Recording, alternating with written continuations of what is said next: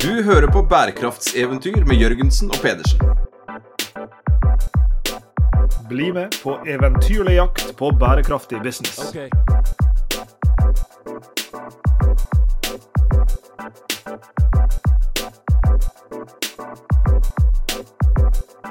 I denne spesialepisoden av Bærekraftseventyr Sveinung, så befinner vi oss endelig i en bar.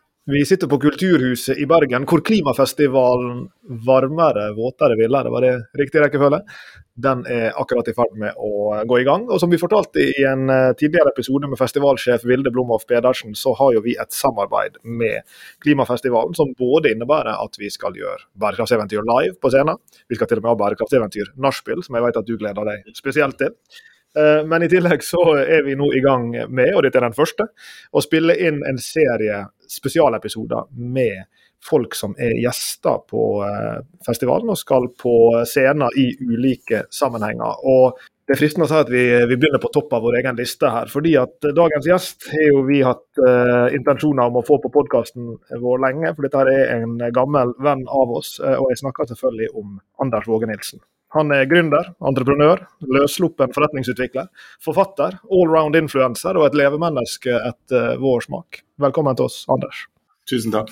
Det er å være her. Det er jo ikke noe hemmelighet at vi er glad i When We Were Kings, fotballpodkasten med de svenske herlige journalistene. og De har jo tre timer lange episoder når Messi si, nesten gikk av med pensjon, gikk fra Barcelona til, til Paris.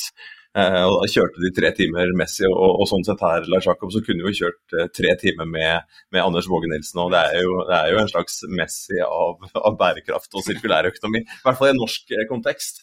Men når vi veit alt det du har gjort, hva, hva, tenkte du som barn egentlig? Hva, hva, var det egentlig du tenkte at du skulle bli? Eh, nei, altså jeg, jeg, tror kanskje at jeg alltid har vært en veldig på en måte forvirret person, i betydningen at jeg har stilt altfor mange spørsmål. Jeg har en slags spørsmålsoverskudd eh, som eh, har gjort at jeg har kanskje fremstått litt som at jeg har surret litt rundt eh, og, og, gjort mye rart. Men jeg er også ti, altså jeg er litt usikker. Jeg trodde jeg skulle bli akademiker, men jeg har rett og slett ikke tålmodighet til det. Og jeg brukte de første årene i 20-årene mine til å starte Friflyt som et skimagasin. Og det ga meg liksom vissheten om at det faktisk er mulig å ta en idé og gjøre den til virkelighet. Og, og den vissheten, den har liksom blitt en, eh, en velsignelse på mange måter, men også en demon for meg. For jeg vet liksom at har du en idé, så er det faktisk mulig å realisere den. Og, og, det, og det, har fulgt meg egentlig siden. Um, så jeg, jeg, jeg, jeg, tror jeg aldri har hatt en plan. Nei. Men det skjedde mye, selv om du ikke hadde en plan, Anders. og Jeg var jo inne på det i starten at vi har jo jobba sammen lenge på, på, ulike måter. Du har jo bl.a. vært en del av eh, forskningsprosjektet vårt SustainX eh, fra den tida da du var med å, starte opp selskapet Waste IQ, som nå senere har blitt til Carrot. Og i den tida skrev du også denne boka som jeg var inne på, du er forfatter, om, eh, om sirkulærøkonomi i tilknytning til avfallshåndteringsbransjen. Og, og sirkulærøkonomien er jo et av de store feltene som, som, du jobber innenfor, og som vi har lyst til å snakke med deg om. Eh, på, på programmet så, til, til, festivalen så skal du snakke om eh, vindkraft på land. Du tar for deg kun de ukontroversielle temaene, forstår vi. Men, men, kanskje kan vi begynne litt med det her. Altså, en fellesnevner for det du driver med, slik jeg, slik jeg forstår det, er jo at du er opptatt av uh, å skape nye og bedre ting, slik som entreprenører ofte er. Men du begrenser ikke deg til å si at jeg kan lage en bedre app, jeg kan lage en bedre system, jeg kan lage et bedre avfallshåndteringsløsning. Du veldig ofte så er jo du opptatt også av systemnivået, og på den måten kanskje også det institusjonelle nivået. Og jeg vet at du har en liten uh, side ved deg. Er det uh, ja, kanskje du kan komme inn på den fellesnevneren i, det du, i, i alt det du driver med, knytta til bærekraft og, og, business, som handler om å ta det gamle, kanskje til dels rive det ned, og til dels, og i stor grad erstatte det med noe nytt og bedre? Altså, jeg kan si at For meg er det å drive forretningsutvikling og det å på en måte få liv i nye virksomheter, eh, det er på mange måter et politisk eh, eh, prosjekt. Fordi at verden vår som vi kjenner den, er på en måte summen av alle mulige forretningsmodeller. Eh, som virker i en eller annen samspill, og som utgjør på en måte den store måte, globale økonomiske maskinen. Som eh, da skaper alle disse negative effektene som vi, vi prøver å, å, løse. Og For å endre på den store maskinen, så må du gjøre noe med liksom, eh, maskineriet. Du må gjøre noe med, med tannhjulet i, i, i, den maskinen, og, og, og, egentlig prøve å utfordre dette på et systemisk nivå. Det vil si at de har, for Carrot-selskapet da gikk inn og så på hvordan oppstår egentlig avfall. Hvor oppstår avfall? Og i innsamlingsleddet, interaksjonen mellom mennesker og container. Der er det mulig å gjøre noe med dynamikken. Eh, så det å finne de punktene der du faktisk kan gå inn, og så kan du gjøre noe helt konkret. Og så kan du skape systemiske endringer. Eh, det er viktig for meg. Og Derfor har jeg også kalt meg for entreprenøriell aktivist. Altså jeg, jeg tenker at, at, det å se på denne systemendringen eh, av, av, det jeg holder på med, det er utrolig viktig for meg. Det er en veldig viktig del av min motivasjon eh, for å gjøre det jeg, jeg, jeg gjør. Eh, og der har du sånn, tanken om kreativitet for meg er kreativitet først og fremst en form for motmakt. Altså det er en, det er en, og man blir altfor ofte gissel av eksisterende eh, økonomiske interesser når man jobber i kreativ sektor. og Derfor brøt jeg også ut. Jeg var med å starte Netlife i, i, i Bergen. Eh, og orket etter hvert ikke mer å selge de beste hodene til høystbydende i markedet.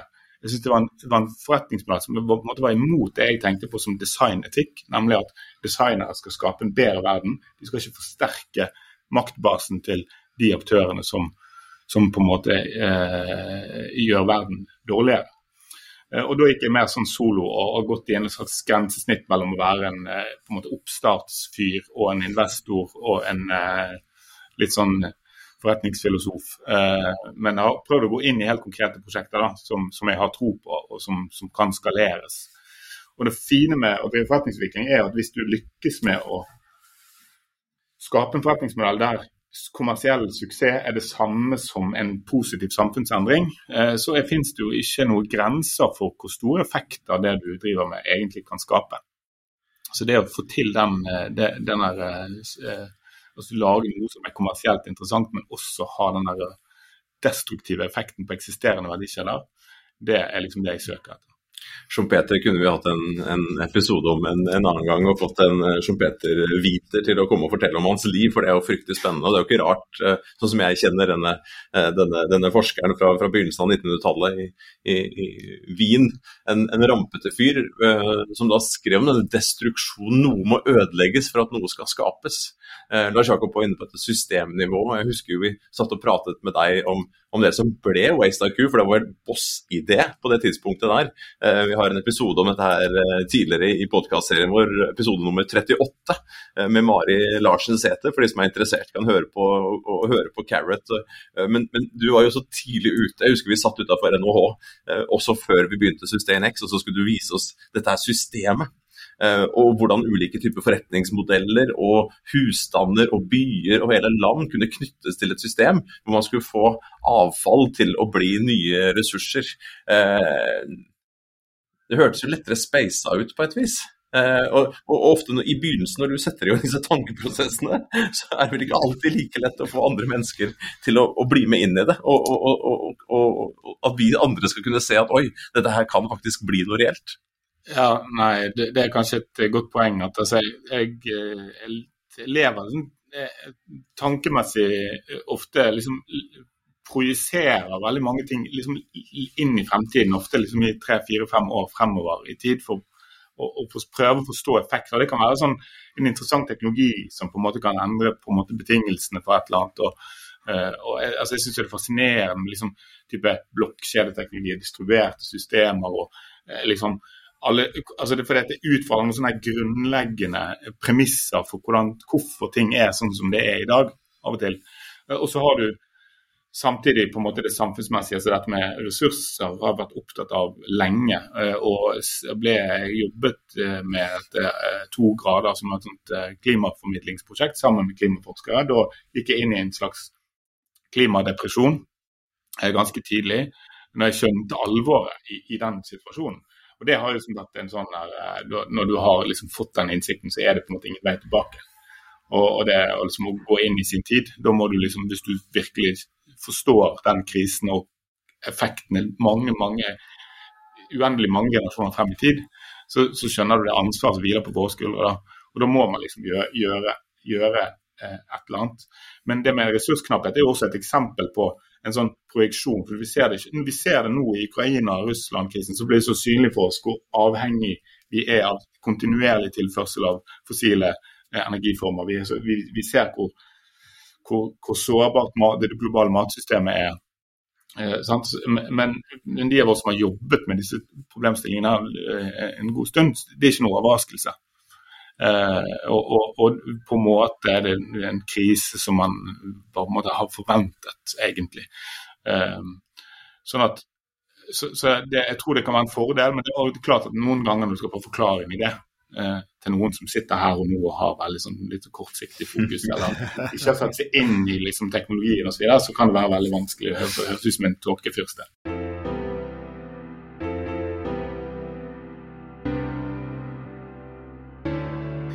Jeg klarer ikke å dy meg fra en, en, liten parallell, Anders. For uh, du er jo uh, også musiker. Spiller jo bl.a. I, i det strålende bandet Kommode.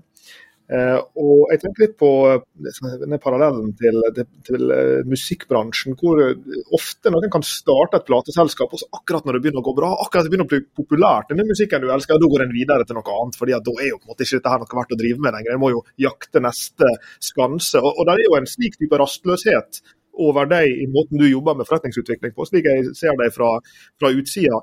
Eh, og, og, hvis det er riktig, er det fordi du tenker at i denne tidlige, kall det idégenererings- og utforskingsfasen, da, for det er det vi sitter og snakker om her, før vi helt vet hvordan dette skal ta form, at den kanskje er den viktigste på et vis. Altså at det er alltid noen som kan ta det videre. Det er alltid noen som kan skalere, profesjonalisere, drifte osv. Og, da er du allerede på vei til, til neste utfordring, neste problem. Er det en fair assessment av hvordan du opererer?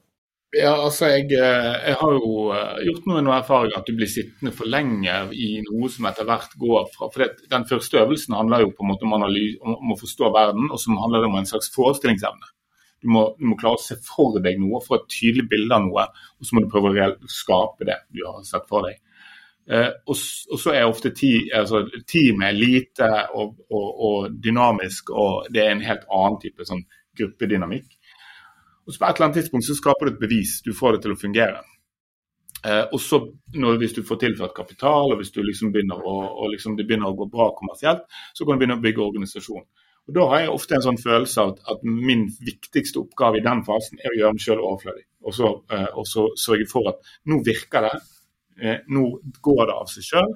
Eh, nå kan jeg gå videre på neste prosjekt. For min styrke er, er det som handler om, om forestillingsevne, om, om å, å, jobbe veldig som improvisatorisk nærmest i den skapelsesfasen og eksperimentelt i den, den fasen. Og det, jeg var litt sånn eh, for du blir veldig ofte målt som, eh, som altså Veldig mye fokus på liksom, at du må være superstrukturert og du må være superambisiøs og du må jobbe liksom sånn med Men, men jeg, vil jo, jeg, vil jo, eh, slå et slag for liksom assosiative hoder. Folk som evner å kombinere kunnskap, og folk som har en åpenhet, som tør å stille vanskelige spørsmål, utfordre sine egne tanker kontinuerlig i den tidlige fasen. og Det er min styrke. Mm.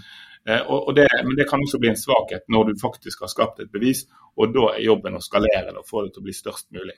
Og det, Derfor syns jeg det er veldig fint å se på f.eks. Carrot, som nå holder på liksom å begynne på sin internasjonale reise og bli liksom et stort prosjekt som, som kan få og da, og da måler du egentlig resultatene i antall tonn restavfall som er blitt til eh, verdifulle ressurser.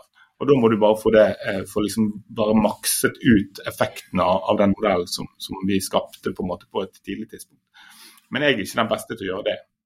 Det er andre som er, som er mye flinkere. Ja, det, er jo, det, er jo, en forbanna ærlig sak. og når jeg begynte i stad med å spørre hva du skulle bli når du ble stor, ja. så er det vel en velkjent klisjé han har sagt at uh, de beste huene de veit jo ikke hva de skal bli når de blir store, og de blir heller aldri store, for å si det sånn. Eh, men jeg, jeg husker tilbake når vi som sagt satt der ute på krakken og du dro dette her boss-idé. Casen for oss da, og, og, og, skulle prøve å sette ord på det. Og så hadde du vært på noen sånne workshops med noen flinke folk som var så flinke til å tegne. Eh, og du mente at vi skulle også kjøre workshop med våre studenter, som vi dessverre ikke fikk gjort. Men du hadde en eller annen sånn tegnefyr som tegna sånne veggmaleristørrelse, hvor alle ting hang sammen. Når du begynner å snakke om Russland og korn og energi, og helt ned på dette praktiske, konkrete, hvordan løse det, så er det et fryktelig spennende spenn å være med for oss andre da, som er rundt deg. Fra disse store bildene til det konkrete. Og noe helt konkret som du jobber med nå, er jo det konkrete selskapet Resourcer. Resourcer.bio. Jeg har nettsiden oppe her, men du må fortelle meg litt. Nei, altså vi, vi har jo uh, altså Det er delvis gjennom arbeidet i Carrot så har vi begynt å uh, se uh, på en måte det enorme potensialet som ligger i bioøkonomien. Som er en økonomi som Eller det, og det, det kjennetegnes jo av at vi snakker om biologiske ressurser. Eh, som på en måte er, sirkulære i sin natur. Sånn. De brytes ned og går tilbake inn i liksom, den store sirkulære naturprosessen.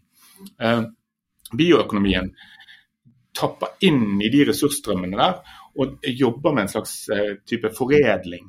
Henter ut næringsstoffer, henter ut virkestoffer som kan benyttes inn i ulike typer produksjon. Og Der har det skjedd en stor teknologiutvikling. Eh, det har skjedd en eh, som er superinteressant på, på en måte prosesseringsnivå. Det, vi har begynt å forstå mikrobiologien eh, mye bedre. så Vi kan bruke enzymer og jobbe med bi, bioråstoff på helt andre måter. Landbaserte oppdrett og andre, algedyrking og alle disse tingene kommer nå som en ny type produksjon. Eh, alt dette, Og kunstig kjøtt liksom er en annen. altså Det er masse sånne ting som skjer akkurat nå. Enormt mange. Det, jeg tenker at Vi er der i bioøkonomien som internett var i 1992. Sånn, vi, liksom, vi, vet at det, dette kommer til å endre verden. Men, men, vi vet ikke hvordan og helt hvordan, når vi jobber fortsatt. Så, så, og Det er utrolig spennende ting å jobbe med. Men det vi har sett, er at det er allerede knapphet på bioressurser i verden. Det er eh, en, eh, og, og, særlig nå med, med, konflikt eh, i verden, så ser vi det veldig tydelig. Matvareprisene, Hveteprisen har aldri vært høyere enn den er akkurat nå eh, globalt. Så, og Det kommer til å skape matkrise mange steder i, i verden, særlig i fattige land. Så, så de bi, og, og, og, I dag er liksom hele den bioøkonomien veldig lineær. Den baserer seg i stor grad på fossilintensiv kunstgjødsel. Eh, den baserer seg på enorme reststrømmer som vi ikke gjør noen ting med. Mye av det går bare i havet eller blir deponert uten at vi henter ut på en måte de potensielle verdiene. Det vi gjør med ressurser, er at vi kartlegger disse ressursstrømmene. Vi, vi, vi viser hva som finnes i de ulike ressurs, eh, ressursene som finnes i norsk industri nå. Vi begynner i Norge. Og vi kartlegger også aktørene, så både de aktørene som har restråstoff, og de aktørene som er på jakt etter restråstoff. Eh, og de tjenestetilbyderne og, og, og, kunnskapsmiljøene som kan være med for å liksom bidra til å foredle dette. Så vi prøver å skape litt sånn, en liten movement av pionerbedrifter nå i, i startfasen. Og Vi ser jo allerede, vi har jobbet med Tine bl.a. og sett på restråstoffene fra, fra, uh, fra meieribransjen. Det er enorme mengder myse, f.eks. Proteinrike uh, råstoff som man ikke får avsetning for i en lineær verden. Og så må vi se hva kan vi gjøre med den mysen for å gjøre det til høyverdig protein som kan inngå i forskjellige eh, prosesser. Det er mat potensielt, eh, eller det kan brukes i, i, i, biomaterialproduksjon. og Det kan gjøres ma masse ting med det, som, og det skaper ekstra verdi. Så det Vi gjør med ressurser er at vi kartlegger ressursstrømmer og vi mobiliserer eh, både på kjøper- og selgersiden. Og så skal vi bygge opp slags, et slags markedssystem da, for at disse råvarene på en enklere måte kan kan flyte der det er mest betalingsvilje, og der de får uh, bli anvendt høyest mulig i, i uh, verdipyramiden. Så det, det, er målet. Og det, er en kjempestor skal vi si, systemutfordring, men vi, har, det, vi merker at industrien nå er skikkelig skikkelig opptatt av dette. Uh, og, og, og nå er det egentlig ganske mye regulatoriske barrierer som speiler den gamle lineære virkeligheten som, som og så trenger man liksom politisk medvind, og så trenger man å, å løfte dette fort, tror jeg. For nå er vi på vei inn i en fase der eh, knappheten på, på bioressurser kommer til å bli veldig synlig for oss.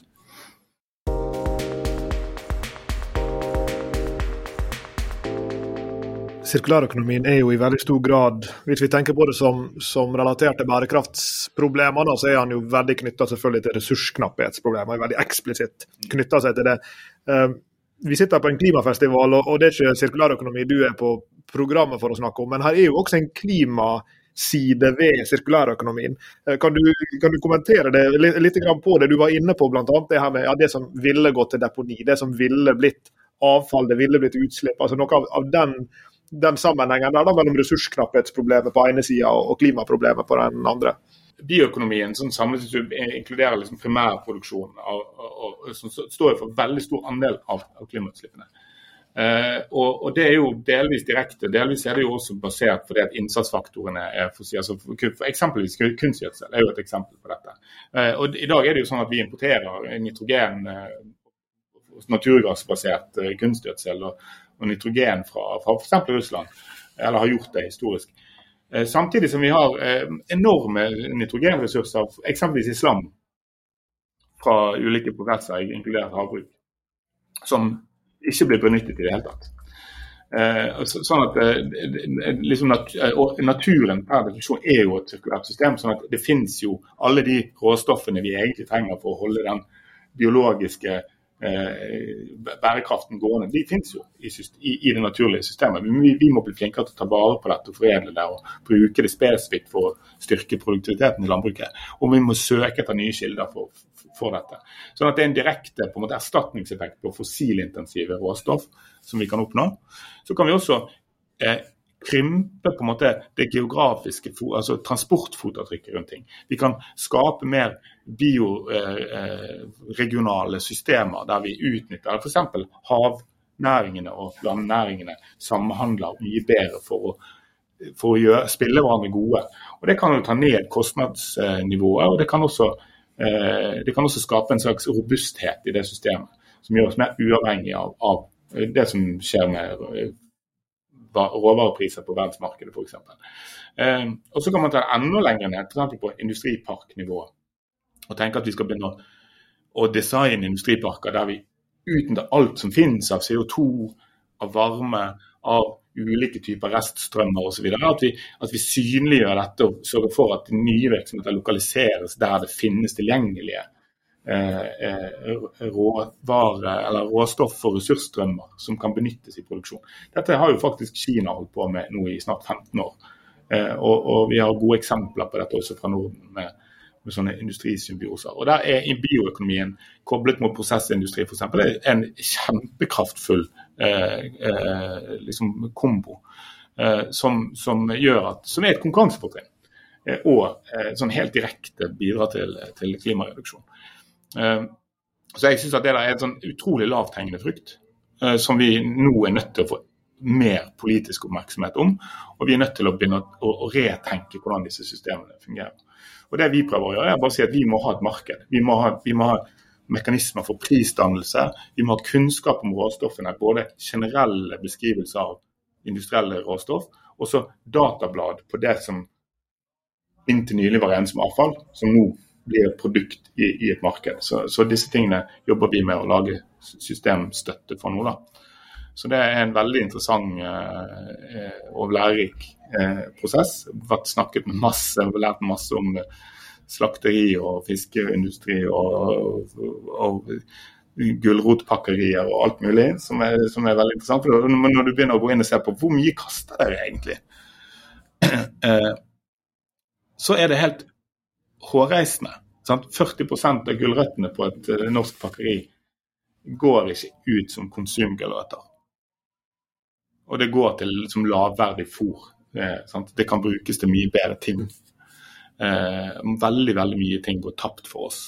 Husker du Lars Jakob, for noen år siden vi prata med David Katz, som etablerte Plastic Bank som, eh, som lønner eh, såkalte street pickers, altså fattige folk i Haiti. Jeg har vært og besøkt dem på Bali også, eh, rundt omkring i verden for å plukke opp plast. og Han sto foran studentene våre på NHH for noen år siden så sa han at du hadde jo aldri plukka opp gull på gata hvis ikke det hadde noe verdi. Eh, og på samme måte, Hvis vi ikke gir plast noe verdi, så, så er det ikke rart at folk bare går forbi det eller lar det ligge. Ok, Så ser man at det kan bli forsøpling med den ene eller andre plastflasken her. Det kan umulig bli et stort problem. Det er i hvert fall ikke noe som jeg gidder å bry meg om. Men hvordan gi eh, plastverdi, akkurat som gull. Og når jeg ser på nettsiden her over disse bioressursene som dere har, eh, som dere har klassifisert og, og, og, og lagd en oversikt over her, da, så er det jo en vanvittig liste. Og, og to, av, to, av, dem som, som interesserer meg litt, er sånn Hva er forskjellen egentlig mellom eh, kaffesjaff og, og kaffegrut? Sa jeg det riktig nå? Ja, du sa det rett. Nei, altså kaffesjaff det er jo det som det er restproduktet etter uh, kaffebrenning. Altså det er skallrester fra kaffe. Uh, som har helt andre egenskaper enn kaffegrut, mm. som er restene etter å brygge kaffe. Uh, og det å komme ned på det si, detaljeringsnivået der, og, det, og, hvis du går ned på det biokjemiske, liksom, i, i liksom biologien i det, hva inneholder det, hva kan det brukes til, så er det også ulike anvendelsesformer. Det kan det noen ganger være liksom også regulatoriske ulikheter om hva man kan faktisk få lov til å benytte det. Vi har bl.a. sett på hva kan du fòre insekter med i de nye insektfabrikkene som nå er på vei. For det at insekt er en veldig god måte å produsere protein veldig effektivt på, og du kan benytte eh, matavfallsressurser på det. Men ikke hvilket som helst matavfall. Og da f.eks. skille mellom vegetabilsk matavfall, som er behandlet med lite mugg, og blandingsmatavfall som inneholder animalske rester. Det, som, og, og, eh, det kan du ikke bruke som fôr. Og hvis du ønsker å, å la det proteinet gå inn igjen i, i matverdikjeden. Eh, og Det betyr at vi må begynne å, vi må begynne å, eh, å liksom raffinere og, og, spesifisere ressurser på, på et mye høyere nivå. Men jeg som ikke kunne så mye om kaffesjaff før nå, da. Mm. Eh, hvis jeg var interessert i kaffesjaff og jeg skjønte at eh, her er det et stort potensial, og jeg er avhengig av å få tak i det, eller dere da som skal knytte og lage et marked rundt dette her. Jeg, eh, jeg forventer ikke at du vet uh, hvor mange gram eller kilo, men uh, det står jo her 1,8 millioner tonn høyverdig biologisk restråstoff i Norge. Ja. Og så skriver dere at kun 30% av dette utnyttes hvor mye kaffesjaff her er rundt forbi. Og, og, og, uansett hvilken av disse her ressursene som vi snakker om her, hvordan skal dere jobbe for å få samla det sånn at det kan skaleres opp? da, og, Så man får nok kvantum til å utnytte det? Altså Det er jo et, en av de, vi, si, vi har definert en god del oppgaver vi ønsker å løse med denne, denne plattformen. En av de er jo at vi ser at f.eks. i fòrindustrien i, i, i havbruksnæringen, de har helt enormt store volumer de har, de har, så stor etterspørsel etter ulike typer innsatsfaktorer, ingredienser til fôrproduksjonen sin, at det er ingen enkeltaktør som kan levere nok. Og Det betyr at da trenger vi å bygge et sourcing-verktøy. Vi trenger å lage systemer der mange aktører kan tilby et råstoff, og så kan én stor kunde kjøpe fra mange parter. Eh, og så ønsker vi å utvikle en form for logistikkstøtte for at det skal være mulig, og en transaksjonsstøtte som skal gjøre det lett å kunne liksom shoppe i det markedet. Da. Eh, og så kan det være motsatt forhold. Sant? At du har én veldig stor kilde som du har på noen store fabrikker, f.eks. på papirfabrikker med sånne type uh, trebaserte, cellulosebaserte råstoff, som har enorme mengder av restråstoff. Men det finnes ikke én kunde som kan kjøpe alt. Så det, det, det, her er ganske, det er ganske høy sånn kompleksitet i samhandlingen. Så, men for at den skal fungere, så må vi, vi må bygge opp den systemstøtten. Og det skal vi gjøre sammen med disse si, pionerbedriftene som vi nå samarbeider med. Uh, og, og, utvikle denne funksjonaliteten over tid. Så Det er liksom den, det er liksom den utviklingsmodellen vi ønsker ikke å, å, å For er, her er det veldig mange si, mye mørk materie. da, mye, Mange åpne spørsmål rundt hvordan ting faktisk bør fungere. og jeg jeg, jeg våkner lykkelig av å ha sånne sånn flokete, eh, vanskelige eh, tankeproblemer eh, å, å, jobbe med. Det er liksom det som jeg drives av. Så Derfor syns jeg at det er gøy både med tanke på hva vi kan skape av effekt, men også rent sånn arbeidets natur syns jeg er veldig, er veldig eh, stimulerende. Sikkert litt det samme som, som forskning, da, på en måte. At du, du, sitter med et eller annet sånt krevende spørsmål eller en krevende problemstilling og skal utvikle en slags teori for noe. liksom. Jeg har lyst til å skifte girene der så, og ta oss over i et litt annet tema. Men jeg har lyst til å bygge ei bro. fordi at Noe av det som, um, som også kjennetegner deg, og som, som jeg og Sveinung setter stor pris på, er jo viljen og evnen din til å gå inn i veldig mange ulike brennende tema.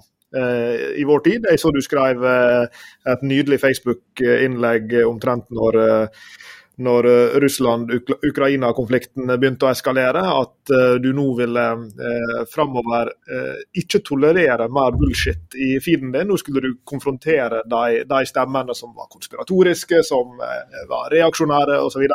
Um, du har jo også en, en, politisk side ved det. Du skrev et nydelig innlegg på nett husker jeg, når du gjorde rede for hvorfor du valgte det politiske partiet som, som du vel har representert og kanskje gjør fortsatt, og, og den samme litt sånn utbrente og tvilende eh, liksom holdninger, men likevel vi må ta en posisjon et sted. Eh, og, og Her er da broen som jeg skulle prøve å bygge. for Du er jo da på klimafestivalen som jeg sa innledningsvis, for å snakke om eh, vindkraft. Og litt sånn tang in cheek så sa jeg at det er jo helt ukontroversielt. Så, så du, du, har jo en vilje nevne også til å gå inn i, i, disse litt sånn kontroversielle temaene. Så kan ikke du begynne med din lille pitch her om vindkraft? Ja, nei altså jeg, jeg, gikk, altså jeg hadde liksom en, en eh, dobbel agenda. Det ene er liksom en dyp liksom, for, altså en, en, erkjennelse av den enorme oppgaven det er å omstille energisystemet vårt. Og enorm, den enorme mengden av fornybar energi som vi må på en eller annen måte skape. Og det må skje fort, altså fordi at, at vi har ikke god tid. Så det, så det ligger liksom i bunnen for og, jeg er også en stor tilhenger av veldig mye av, av, av de der systemgrepene som er gjort på EU-nivå rundt det grønne skiftet. Jeg er en stor tilhenger av at Norge skal eh, benytte sine fleksible vannkraftressurser eh, mot sine naboland og, og, hjelpe til med den store europeiske omstillingen. For jeg genuint tror at vi lever i en tid der i gamle dager var det sånn uavhengighetserklæringen som var liksom, det var, det var frihet. Men jeg mener at vi må skrive eh, nå må vi skrive avhengighetserklæringer. Vi må, vi må, bli, eh, vi må, eh, vi, vi må veve oss sammen og skape liksom og, og, vi må, så Det er liksom en sånn grunntanke jeg har. Samtidig så er jeg veldig glad Jeg har brukt veldig mye tid i mitt voksne liv på Nordvestlandet, både i seilbåt og på surfestrender. Og, og eh, har også eh, min kones familie kommer fra liksom Selje f.eks. Så jeg har vært mye i det området. Og så ser jeg disse prosjektene. Jeg ser prosjektene på Haramsøya, jeg ser prosjektet på Stadlandet. ser prosjektet på, og Jeg har også samisk familie som jeg kjenner til problemstillinger rundt liksom, eh, det å kunne liksom styrke den kulturen. Se Fosen-prosjektet, hvordan, hvordan man på en måte har startet prosessen rundt vindkraft så ufattelig ufattelig, eh, eh, på en så ufattelig destruktiv måte og undergravd all folkelig støtte av helt naturlige årsaker. Fordi at Stadlandet er en helt unik halvøy som har vært kvalifisert villmark, eller et kvalifisert urørt natur med tusenvis av år med liksom, eh, som historie, og det er et ikon for, for, for Norge. Sett opp fem vindmøller der, bygger en svær vei får masse dispensasjoner i et politisk klima der lokalbefolkningen egentlig ikke vil ha det. Sammen med Haramsøya. Man, man liksom invaderer, man, man, man har invaderingslogikk rundt det her. Utrolig dårlig politisk håndverk. Og hele vindindustrien har liksom sabotert for sine egne rammebetingelser gjennom den måten å liksom jobbe frem prosjektene sine på. Til i grell kontrast til hvordan vi, vi, bygget vannkraften i sin tid. For der kom det også ganske inngripende for, forslag der man skulle, man skulle, legge de største og flotteste fossene i rør. Og fikk masse pushback. Og så gikk man tilbake på tegnebrettet, og så laget man et system der man faktisk tok hensyn til disse tingene. Og klarte å, å, å på en eller annen måte å få til en slags kompromisspreget prosess. Så det jeg har gjort, er at jeg har gått knallhardt mot mye av vind, motstands, motvindbevegelsen, som har blitt eh, kokt ned til en nitrist nasjonalistisk eh, eh, eh, retorikk og begynt å snakke ned det grønne skiftet og liksom bagatellisere klimautfordringene. Jeg sier ikke at alle gjør det, men jeg sier at krefter i den bevegelsen har ødelagt så mye for den bevegelsen. Og så sitter vindkraftindustrien helt uten evne til selvkritikk. Så Det gjorde at jeg gikk inn og, og, og kritiserte begge parter. Og det gjorde at jeg ble, jeg ble jo på en måte en sånn der eh, Jeg ble litt sånn uvenner med alle. Men samtidig så mener jeg at skal veldig mange problemstillinger i vår tid, så må du faktisk evne å gå liksom skikkelig, skikkelig inn i dilemmaet. da. Du må stå i det dilemmaet og kjenne hvor fuckings vondt det gjør å stå der. Eh, og, og, kjenne liksom Og, og det, den smerten, det er smerten som egentlig er resultat av tiår på tiår på tiår med å bygge seg liksom fast i feil system. Så, så, og, og, dette hadde vi liksom tatt klimaadvarslene på, på, alvor når de kom, så hadde vi ikke vært i denne situasjonen. Da hadde vi jo brukt tid på å bygge opp på en måte alternative energikilder. Vi hadde brukt mye mer ressurser på, på energiøkonomisering og, og, det å kunne spare på, på energien vår. Eh, og, og vi hadde liksom ikke hatt det der hastverket som nå har blitt et lastverk, mm. som resulterer i at vi faktisk bygger ned eh, liksom uerstattelige naturområder. Og Så er det jo sånn siste poeng som jeg av og til lurer på. fordi at det er jo ikke sånn at vi, vi legger de aller høyeste og vakreste fossene våre i rør. Og hvorfor ikke det? det er jo fordi at det har en kost. Altså det, det, vi, vi, tar noe vekk fra fellesskapet. Men vi, vi legger det liksom, Det er ikke optimalt, kanskje energimessig, men vi gjør Vi, vi prøver, vi, bruker Vi, liksom, vi ut, utnytter liksom topografien på best mulig måte, mest mulig skånsomt. Men i vindkraftverket skal vi sette, gigantiske master på toppen av fjell, akkurat på det punktet på kysten det blåser aller, aller mest. Eh, og det er et eller annet med å prøve, også, for det er det som har vært liksom gulltomtene. Men jeg lurer litt på det, det premisset for hele diskusjonen. Altså Hvorfor kan vi ikke heller ta ned altså vi kunne tatt ned litt på en måte produksjonen per turbin, så kunne vi flyttet dette til steder og samlet det på steder der det faktisk eh, er mulig å få oppslutning om å bygge det. Så det er mange, det er mange sider ved dette. Men jeg har, jeg har gjort meg til uvenn med alle. da. Uh, og jeg er ganske komfortabel med akkurat det. Ja, ja det tror jeg veldig. Overrasker meg ikke i det hele tatt. Men samtidig så er du sikkert, eh, som jeg kjenner deg, også konstruktiv i dette. her. Uh, samt, og, og, samtidig så antar jeg også at du har eh, nok finger på pulsen, verdenspulsen akkurat nå til å kjenne at dette her kan jo endre seg veldig. Den luksusen å ha en vakker foss, eller den luksusen å ha en, en fjelltopp uten en, en, diger mast. I det øyeblikket dieselen koster over 20 kroner og, og kilowattprisen er så høy at du, at du, nesten ikke tør å gå i dusjen. Mm. Eh, hvordan vil det som skjer nå endre, endre vårt eh, syn, tenker du, på, på å, å bevare? Eh, nei, altså Det er et press og det er et press som kommer delvis fra liksom, behov. altså Det trengs, og så er det et press som kommer kommersielt. At det er lønnsomt. det er mer, det, Hver kilowattime du produserer vil uh, gi høyere avkastning. Uh, sånn at det, det, er, det, presset der kommer til å øke.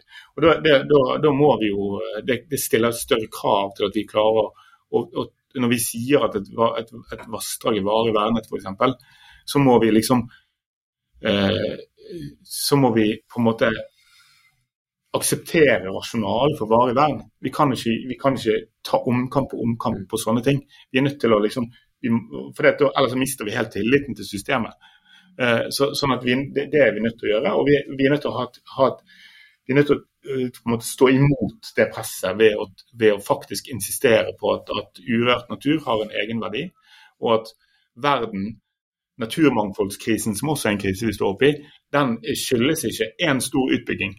Den skyldes en millioner av, av bitte små utbygginger. Vi spiser den naturen og livsrommet til, til disse artene i, i bitte små biter uh, i hele verden.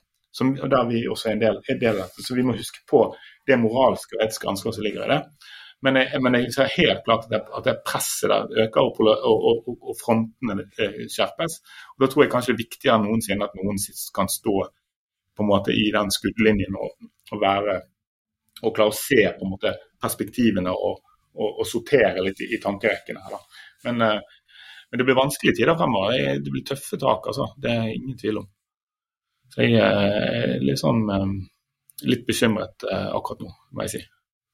Og Hvis du kunne fått gått inn og vært endringsagent, du har, jo, du har jo vært inne på det allerede, men hvis du skulle inn og ja, enten rådgi eller agere i dette landskapet. Hva, hva, hva, tror du det som må til? Altså, hvordan, eh, hvordan kan vi knyte opp igjen denne floken og komme oss inn i et mer konstruktivt farvann for noe som har blitt så polarisert som du er inne på, og som er blitt så høye og kantete fronter? Altså, det, av det jeg jobbet med, jeg, altså, En ting som jeg har jobbet med eh, over tid, er jo eh, å jobbe med byggebransjen. Jeg har altså et prosjekt som jeg gjør sammen med Proptech Innovation Klynge i Bergen, som går på å se på eksisterende bygningsmasse. Hvordan kan vi ta ned fotavtrykket i eksisterende bygningsmasse? For det, eh, liksom 95% av Europas bygninger er, er, er, dårlig isolert og har dårlig energiutnyttelse.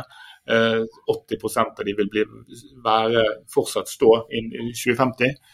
Eh, det er et enormt eh, potensial knyttet til det. Eh, så Det første jeg vil gjøre, var å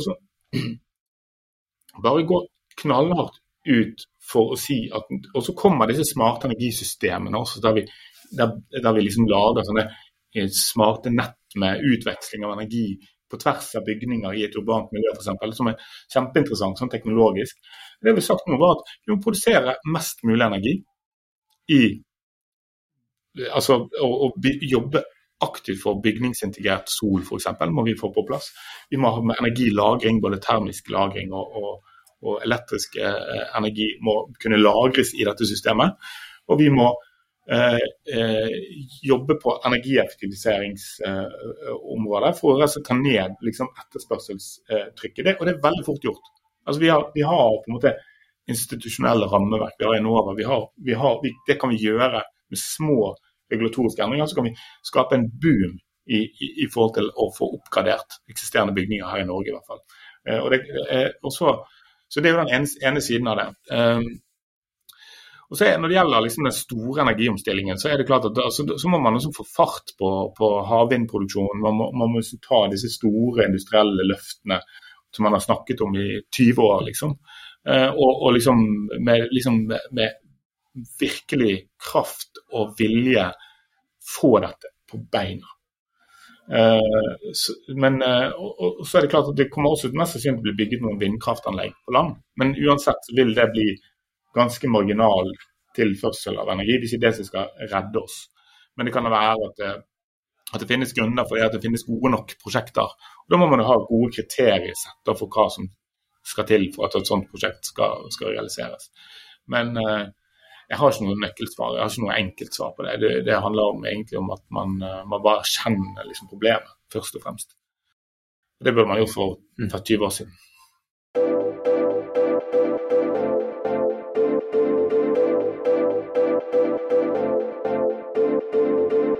Da jeg tok doktorgraden min eh, for en del år siden, så hadde jeg en biveileder i eh, Budapest som heter Laslo Solnay, en fenomenal professor i økonomi. Eh, og han ga eh, et av mine favorittkompliment ga han til Sveinung Jørgensen, som sitter her. En gang vi, han hadde truffet Sveinung for første gang, så kom Laslo bort til meg etterpå og sa han Your friend. We need 10,000 guys like him all over Europe. Eh, og Det synes jeg er et veldig fint eh, kompliment. og, og tenker jo vi også om, eh, om deg, Anders. Du ville vært høyt på lista vår over folk vi, vi, ville klone. Og Nå er det jo en Anders som sitter, som sitter i rommet her og som, som, bruker veldig mye av tida si på sirkulærøkonomiske forretningsmodeller i, i bioøkonomien, samtidig som du som vi snakker om her, er, bidrar både til ordskifte og, og, idéutvikling på mange andre områder. Hvis vi hadde lykkes med å klone den Andersen og fått et par til, hva er det de vil eh, jobbe med? All den tid du bare har 24 timer i døgnet og 7 dager i uka til å gjøre det du har lyst til å gjøre. Hva er tingene du ikke får gjort som du kunne tenke deg å gå løs på som gründer, entreprenør, forretningsutvikler osv.? Eh, okay, Jeg kan dele en drøm da, eh, som jeg, jeg, sitter på. Eh, som, som jeg, når jeg sier at den ikke blir realisert, så er det fordi jeg har ikke tid nå, men som jeg ønsker å få til. for Jeg er opprinnelig journalist. Eh, så jeg begynte å jobbe i Bergens Tidende, og jeg startet Friflyt og jeg jobbet med uh, skrevet frilanser osv. Jeg liker å fortelle historier. Og det, Jeg liker å fortelle historier fordi at historier virker i andre mennesker. Det skal gjøre noe med folk. Uh, og, og Friflyt var jo et, et, et, veldig spesielt case, fordi vi skapte en slags identitet rundt Vi skjønte på et tidspunkt at Friflyt ikke er vår merkevare, det er lesernes merkevare. Vi så stikkere på hjelmer og ski og, og, og, og biler. Og, skjønte at vi har vært med på å skape en felles identitetsmarkør. Som gjør at hvis du ser en sånn fri flyt-person, så nikker du litt i heiskøen. Det, sånn, det var en, det var en dyp erkjennelse for meg. fordi jeg skjønte at oi, det er ikke, dette er ikke oss. Vi er bare på en måte enablere for at disse menneskene kan finne hverandre. Og jeg tror det finnes noe sånn i denne her, eh, i den utvidede kreative sektoren, altså designere, politikere, ingeniører, forskere osv. som ønsker et systemskifte, som jobber for å, å, å, å, på sitt vis, i sin rolle, for å endre verden på et eller annet nivå. Eh, og jeg tror så Hvis jeg skulle startet noe nå, hadde liksom frie tøyler til å gjøre noe eh, akkurat nå, så tror jeg jeg ville prøvd å starte et, et magasin. Et, et, slags sånn community-aktig mediesatsing. Eh, der historien om disse menneskene eh, kunne få lov til å bli delt. Og der man kunne utviklet en, en slags en bevegelse. Ikke en organisasjon i tradisjonell forstand, men et referansepunkt, et leirbål for de menneskene og alle de prosjektene som finnes eh, der ute. Det er jo litt det, dere gjør med, med podkasten og, og, og, det å skape liksom et, en tilhørerskare. Men å ta, forsterke det, og så se utenfor Norge. Se på hele verden. Få, et korrespondentnettverk fra alle verdenshjørner. For å synliggjøre alt det spennende som skjer i hele verden som folk ikke vet om. Altså Jeg har snakket med afrikanske eh, entreprenører innenfor sirkulærøkonomi som gjør helt amazing ting, men vi hører jo ikke om det. Eh, og de, Alle de historiene kunne jeg tenkt meg å vært med på og synliggjort. Eh, eh, så det er liksom en, en, drøm jeg har. og det, Jeg sier at en, en drøm jeg har, så, så, betyr ikke det at det er en drøm som ikke kommer til å bli realisert. Men jeg har sagt til meg sjøl at jeg vil ikke gjøre dette før jeg har på en måte et lag som ønsker å være med og at vi har på en måte tilstrekkelig med kapital til å på en måte prøve å realisere en, en sånn satsing. Så Det tror jeg er det jeg eh, vil satse på. Hvis du klarer å klone meg, så si ifra. Ser jeg fram til å starte den prosessen.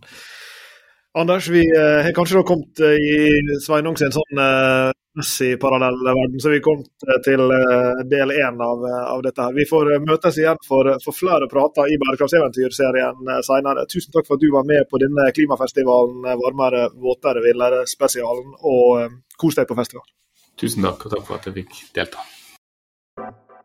Du har hørt på Bærekraftseventyr med Jørgensen og Pedersen.